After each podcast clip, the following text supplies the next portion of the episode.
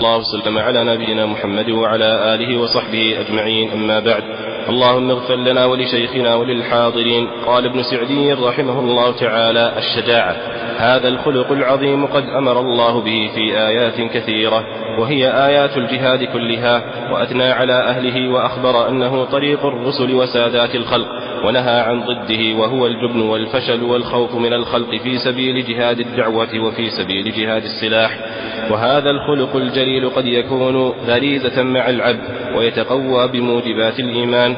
وقد يحتاج العبد إلى التمرن عليه وسلوك الطرق المعينة على ذلك. فالشجاعة قوة القلب وثباته وطمأنينته في المقامات المهمة والأحوال المحرجة وكل يحتاج إليه. وخصوصا الرؤساء الذين تناط بهم المهمات والأمور. فحاجتهم إليه ضرورية. إليه ضرورية.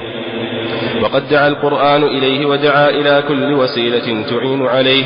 فأمر بخوفه وحده وأن لا يخشى العبد الخلق فمتى قصر العبد فمتى قصر العبد خوفه على الله وحده؟ وعلم أن الخلق لن يقدر على نفعه ولا ضره إلا بمشيئة الله قوي قلبه قوي, قوي قلبه.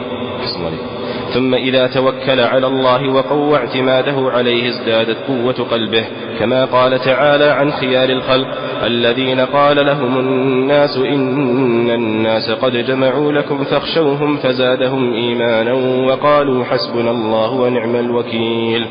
ثم إذا علم ما يترتب على القوة في الدين والشجاعة من الأجر والثواب ازدادت قوته وتضاعفت شجاعته. كما نبه الله على هذه الحالة بقوله إن تكونوا تألمون فإنهم يألمون كما تألمون وترجون من الله ما لا يرجون. وكلما تأمل الخلق وعرف أحوالهم وصفاتهم وأنهم ليس عندهم شيء من النفع ولا من النصر والدفع وأن مدحهم لا يغني عن العبد شيئا وذمهم لا يضره شيئا وأنهم مع ذلك لا يريدون لك الخير إلا لمصالحهم. عرف أن تعليق القلب بهم خوفا وهيبة وخشية ورغبا ورهبا. ضائع بل ضار وأنه يتعين على العبد أن يعلق خوفه ورجاءه وطمعه وخشيته بالله وحده الذي عنده كل شيء وهو الذي يريد لك الخير من حيث لا تريده لنفسك ويعلم من مصالحك ما لم تعلم ما لا تعلم ويوصل إليك منها ما لا تقدر عليه ولا تريده ومن دواعي الشجاعة أن يعرف العبد أن الجبن مرض وضعف في القلب يترتب عليه التقاعد عن المصالح وتفويت المنافع ويسلط عليه الضعفاء ويتشبه صاحبه بالخفرات من النساء. ومن فوائد الشجاعة امتثال أمر الله وأمر رسوله والاتصاف بأوصاف أهل البصائر من أولي الألباب. ومن فوائد ذلك أنه بحسب قوة القلب ينزل الله عليه من المعونة والسكينة ما يكون أكبر وسيلة لإدراك المطالب والنجاة من المصاعب والمتاعب. ومن فوائده أنه يتمكن صاحبه من إرشاد الخلق ونفعهم على اختلاف طبقاتهم بالحكمة والموعظة الحسنة. وأما الجبان فإنه يفوته خير كثير. وتمنعه الهيبة من بركة علمه وإرشاده ونصحه للعباد. ومنها أن الشجاعة تنجي العبد من كثير من الشدائد وتوجب له السكينة إذا مرت النوائب والمصائب فيقابلها بما يحبه الله من الصبر والثبات واحتساب الأجر. وأما الجبان فإنه إذا اعترته هذه الأمور إذا اعترته هذه الأمور ما وذهل مصالحه وتنوعت به الأفكار الضارة. ذهل عن مصالحه. أحسن عليكم. وذهل عن مصالحه وتنوعت به الأفكار الضارة فعملت معه المصائب والشدائد فعملت معه المصائب والشدائد عملها الأليم وفوتته الخيرات والثواب الجسيم وهذا الخلق الحميد من جملة الأخلاق الفاضلة التي تتولد من هذا الخلق الجامع. ذكر المصنف رحمه الله تعالى أدبا آخر من الآداب المذكورة في القرآن الكريم وهو أدب الشجاعة وخلقها فإن هذا أدب عظيم جليل. بين المصنف رحمه الله تعالى أن الله أمر به في آيات كثيرة لم تأت على وفق الوضع اللغوي لكلمة الشجاعة ولكنها اندرجت في آيات الجهاد كلها. فجميع آيات الجهاد داعية إلى الشجاعة لأن المرء لا يتمكن من القيام به حتى يكون قلبه شجاعا حتى يكون قلبه شجاعا. ثم ذكر المصنف أن الله عز وجل أثنى على أهله وأخبر أنه طريق الرسل وسادات الخلق ونهى عن ضده وهو الجبن والفشل والخوف من الخلق كما قال تعالى لا تنازعوا فتفشلوا وتذهب ريحكم وذلك مأمور به في سبيل جهاد الدعوة وفي سبيل جهاد السلاح وهما المشار إليهما بقول أهل العلم جهاد السيف والبنان جهاد جهاد السيف والسنان وجهاد الحجة والبنان فإن جهاد السيف والسنان هو الجهاد الذي يشهر فيه السلاح لمقاتلة أعداء الله وأعداء رسوله صلى الله عليه وسلم. وجهاد الحجة والبنان أو البيان هو الجهاد الذي يشهر لمدافعة أهل الأهواء من المبتدعة والضلال والمنافقين. ولا يتمكن من القيام بجهاد هؤلاء وهؤلاء. حجة وبيانا وسيفا وسنانا إلا من كان شجاعا. ثم ذكر المصنف رحمه الله تعالى أن هذا الخلق قد يكون غريزة أي جبلة إنسانية مع العبد ويتقوى بموجبات الإيمان وقد يحتاج العبد إلى التمرن عليه وسلوك الطرق المعينة على ذلك. فالشجاعة نوعان أحدهما شجاعة جبلية مطبوعة والآخر شجاعة كسبية محصلة.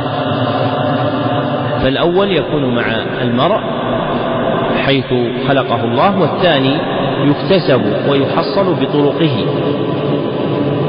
وفي كلام عمر بن الخطاب رضي الله عنه ما يشير إلى ذلك. فإنه قال الشجاعة والجبن غرائز يضعها الله حيث يشاء. الشجاعة والجبن غرائز يضعها الله حيث يشاء. رواه مالك في الموطأ وغيره من وجوه عن عمر رضي الله عنه يثبت بها الخبر. فقول عمر فيه تنبيه إلى أن من الشجاعة ما هو والجبن ما هو غريزة ومنها ما ليس كذلك. وعند هذا الأثر قال ابن عبد البر في الاستذكار وقوله الشجاعة والجبن غرائز يضعها الله حيث يشاء لا يحتاج إلى بيان ولا شرح. انتهى كلامه. لأن الأخلاق النفسانية مما يدركه الناس طبيعة وسجية. وفي قوله رحمه الله وقد يحتاج العبد إلى التمرن عليه وسلوك الطرق المعينة على ذلك تنبيه إلى ما يمكن أن يحصل به العبد الشجاعة فإن لذلك طرقا في الشريعة جملة منها ومنها ما في الصحيحين من حديث أبي سعيد الخدري رضي الله عنه أن النبي صلى الله عليه وسلم قال من يتصبر يصبره الله. فإن المرء إذا حمل نفسه على الصبر أكسبه ذلك شجاعة.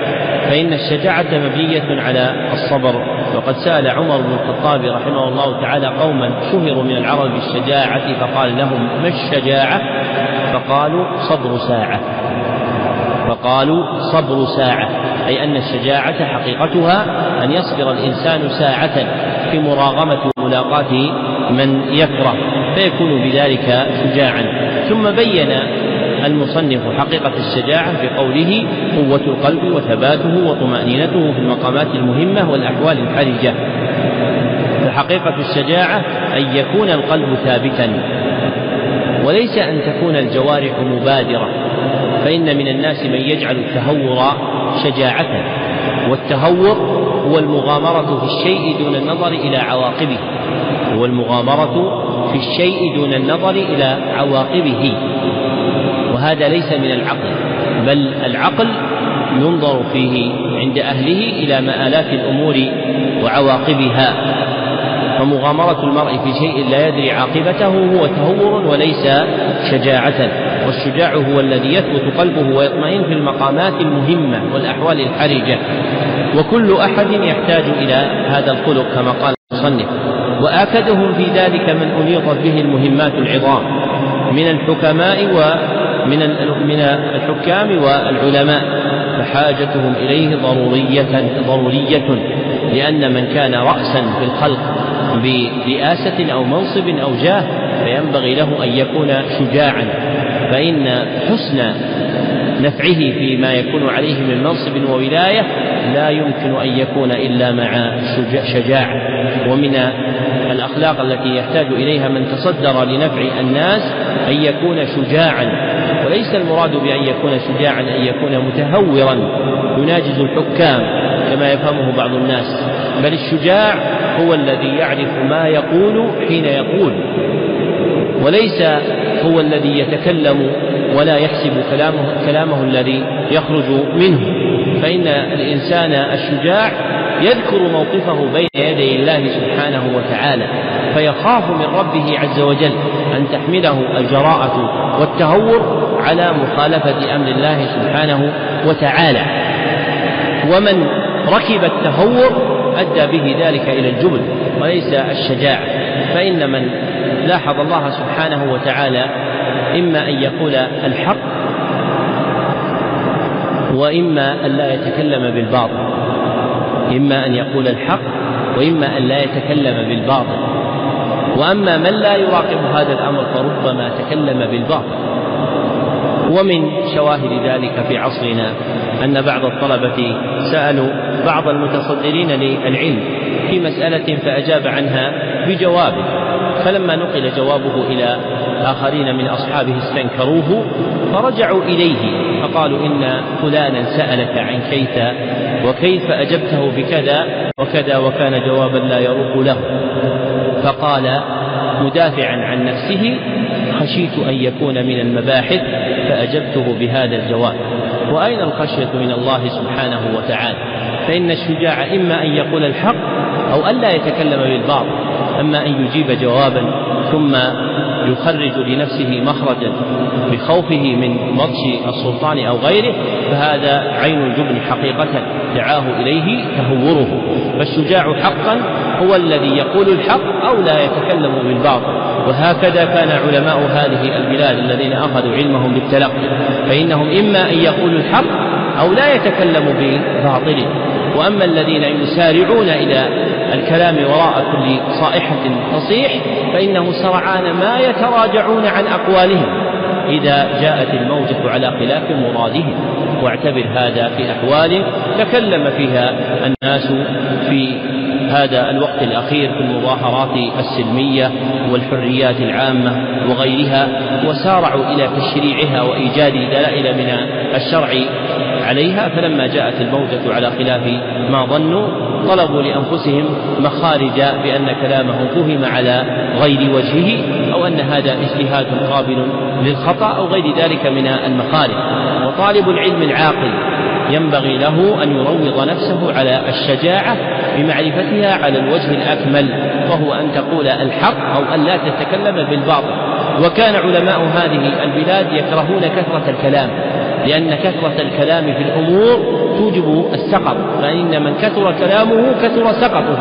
فإذا كان الإنسان يتكلم في كل شارقة وغاربة ومقبلة ومدبرة فلا بد أن يصيب الزلل في كلامه.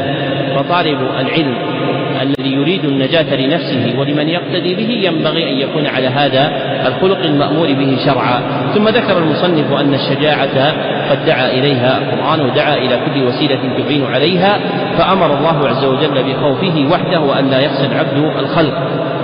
كما قال تعالى فلا تخافوهم وخافون وقال فلا تخشوهم واخشون فمتى قصر العبد خوفه على الله وعلم أن الخلق لن يقدروا على نفعه ولا ضره إلا بمشيئة الله قوي قلبه. فإن من أيقن أن الأمر كله بيد الله وأنه هو الذي يصرف الأمور علم أن الناس لا يزيدون في أجله يوما ولا ينقصون منه يوما. ومن أخبار العلامة عبد العزيز بن حصين رحمه الله تعالى قاضي شقراء أحد تلاميذ الشيخ محمد بن عبد الوهاب أنه لما دخل إبراهيم باشا ثم أحضر بين يديه ولده. وكان الشيخ عبد العزيز بن حصين رجلا كبيرا هرما فقال له إبراهيم باشا مروعا له الآن نقتل ولدك فقال رحمه الله تعالى إن تركته مات. أي أنه إن لم يمت بقتلك فإنك إن تركته فإنه سيموت. ثم قال رحمه الله مبينا ما يدعو إلى الشجاعة ثم إذا توكل على الله وقوي اعتماده عليه ازدادت قوة قلبه. فإن المتوكل على الله عز وجل قوي القلب إذ يعلم أنه لا يقدر أحد على شيء إلا ما هيأ الله عز وجل أسبابه وقدره كما قال تعالى الذين قال لهم الناس إن الناس قد جمعوا لكم فاخشوهم فزادهم إيمانا وقالوا حسبنا الله ونعم الوكيل. فتوكلوا على الله سبحانه وتعالى وظهرت شجاعتهم فانقلبوا بنعمة من الله وفضل لم يمسسهم سوء. ثم قال المصنف ثم إذا علم ما يترتب على القوة في الدين والشجاعة من الأجر والثواب ازدادت قوته وتضاعفت شجاعته كما نبه الله على هذه الحال الحالة بقول إن تكونوا تألمون فإنهم يألمون كما تألمون وترجون من الله ما لا يرجون. فمن أصابه شيء من الألم بما أمرته به شجاعته وفق الشريعة فإنه مثاب عليه. ثم قال وكلما تأمل الخلق وعرف أحوالهم وصفاتهم وأنهم ليس عندهم شيء من النفع ولا من النصرة والدفع وأن مدحهم لا يغني عن العبد شيئا وذمهم لا يضره شيئا وأنهم مع ذلك لا يريدون لك الخير إلا لمصالحهم. عرف أن تعليق القلب بهم خوفا وهيبة وخشية ورغبا ورهبا ضائع بل ضار. وأنه يتعين على العبد أن يعلق خوفه ورجاءه وطمعه وخشيته بالله وحده الذي عنده كل شيء وهو الذي يريد لك الخير من حيث لا تريده لنفسك ويعلم من مصالحك ما لا تعلم ويوصل إليك منها ما لا تقدر عليه ولا تريده. فمن عرف الناس أيس منهم ومن عرف الله اطمأن إليه.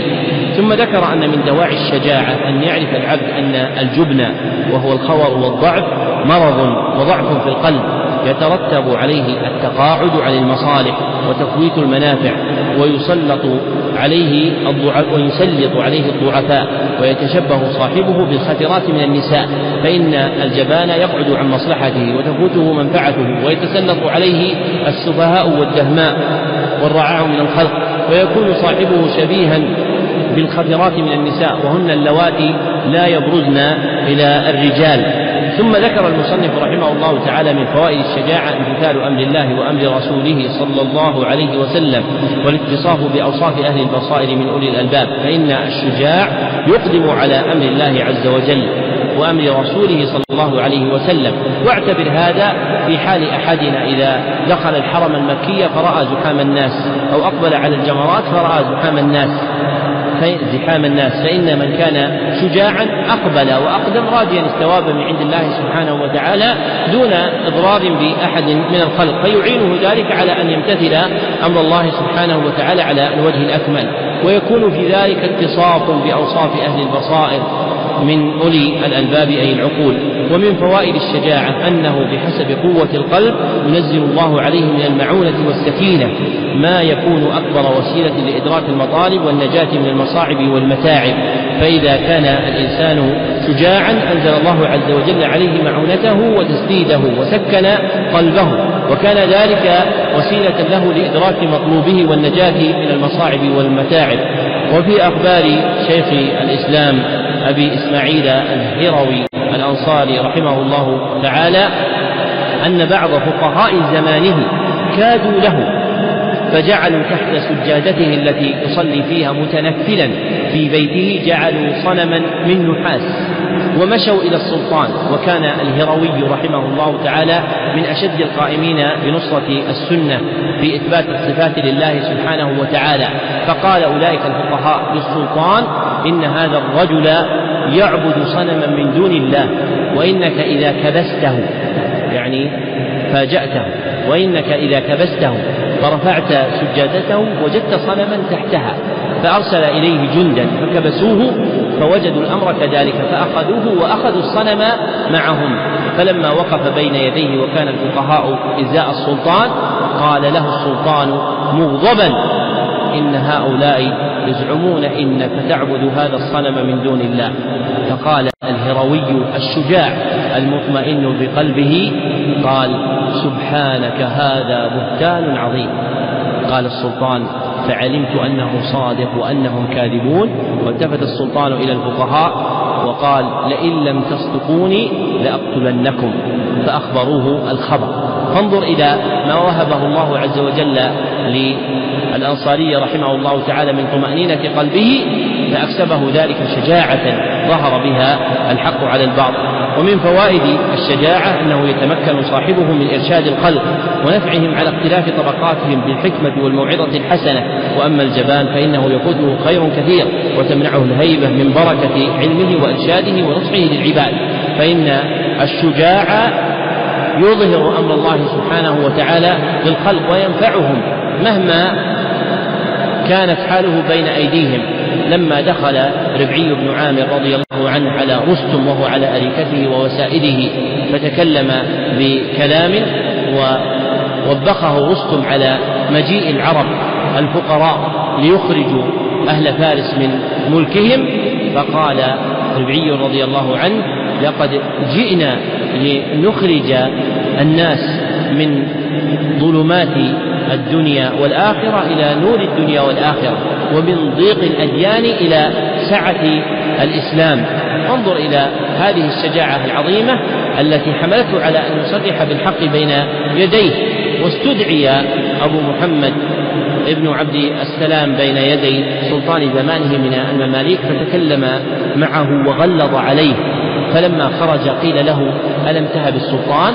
فقال إني ذكرت الموقف بين يدي الله عز وجل فكان بين يدي كالقط وأحضر أبو العباس ابن تيمية رحمه الله تعالى إلى سلطان زمانه وقيل له إنك تطلب السلطان فقال له إن ملكك وملك المغل أي المغول لا يساوي عندي فلسين فالشجاع يقف في هذه المواقف لأن قلبه مطمئن بإقباله على الله سبحانه وتعالى فيبذل النصح للخلق ثم ذكر من فوائد الشجاع الشجاعة أن الشجاعة تنجي العبد من كثير من الشدائد وتوجب له السكينة إذا مرت النوائب والمصائب فيقابلها بما يحبه الله من الصبر والثبات واحتساب الأجر. وأما الجبان فإنه إذا اعترته هذه الأمور إماع وذهل عن مصالحه وتنوعت به الأفكار الضارة فعملت معه المصائب والشدائد عملها الأليم وفوتته الخيرات والثواب الجسيم. وبالجملة فإن الشجاعة يحصل بها كل خير وإن الجبن يحصل به كل شر. وعند أبي داود بسند قوي من حديث أبي هريرة رضي الله عنه أن النبي صلى الله عليه وسلم قال شر ما في المرء جبن هالع جبن شح هالع أو جبن خالع. شر ما في المرء شح هالع أو جبن خالع. والشح الهالع هو الشح الذي يحمل الإنسان على الجزع وخوف فوات الدنيا. والجبن الخالع هو الجبن الشديد الذي تبلغ به شدته في المرء أنه ربما انخلع قلبه وارتعد بقوة خوفا من شيء ما لا يكون جديرا بذلك. وهذا يبين قبح الجبن وأن الجبن ليس فيه خير البتة.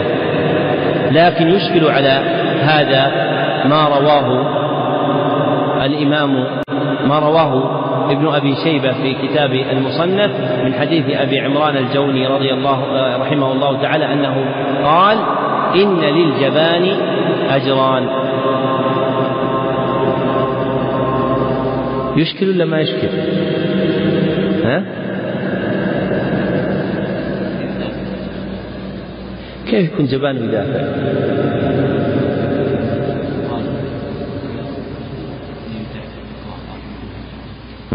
طيب علم هذا هذا الحديث ابحثوه رواية ودراية واكتبوا فيه بحثا يكون في الأسبوع الثاني من الدرس الدرس الأول الذي يوم الأربعاء عندكم الأبيات التي فيها نظم المعنى التي ذكرناها. الحديث الثاني الذي ذكرناه إن للجبان أجران ابحثوه وأخبرونا ما وجه هذا الحديث.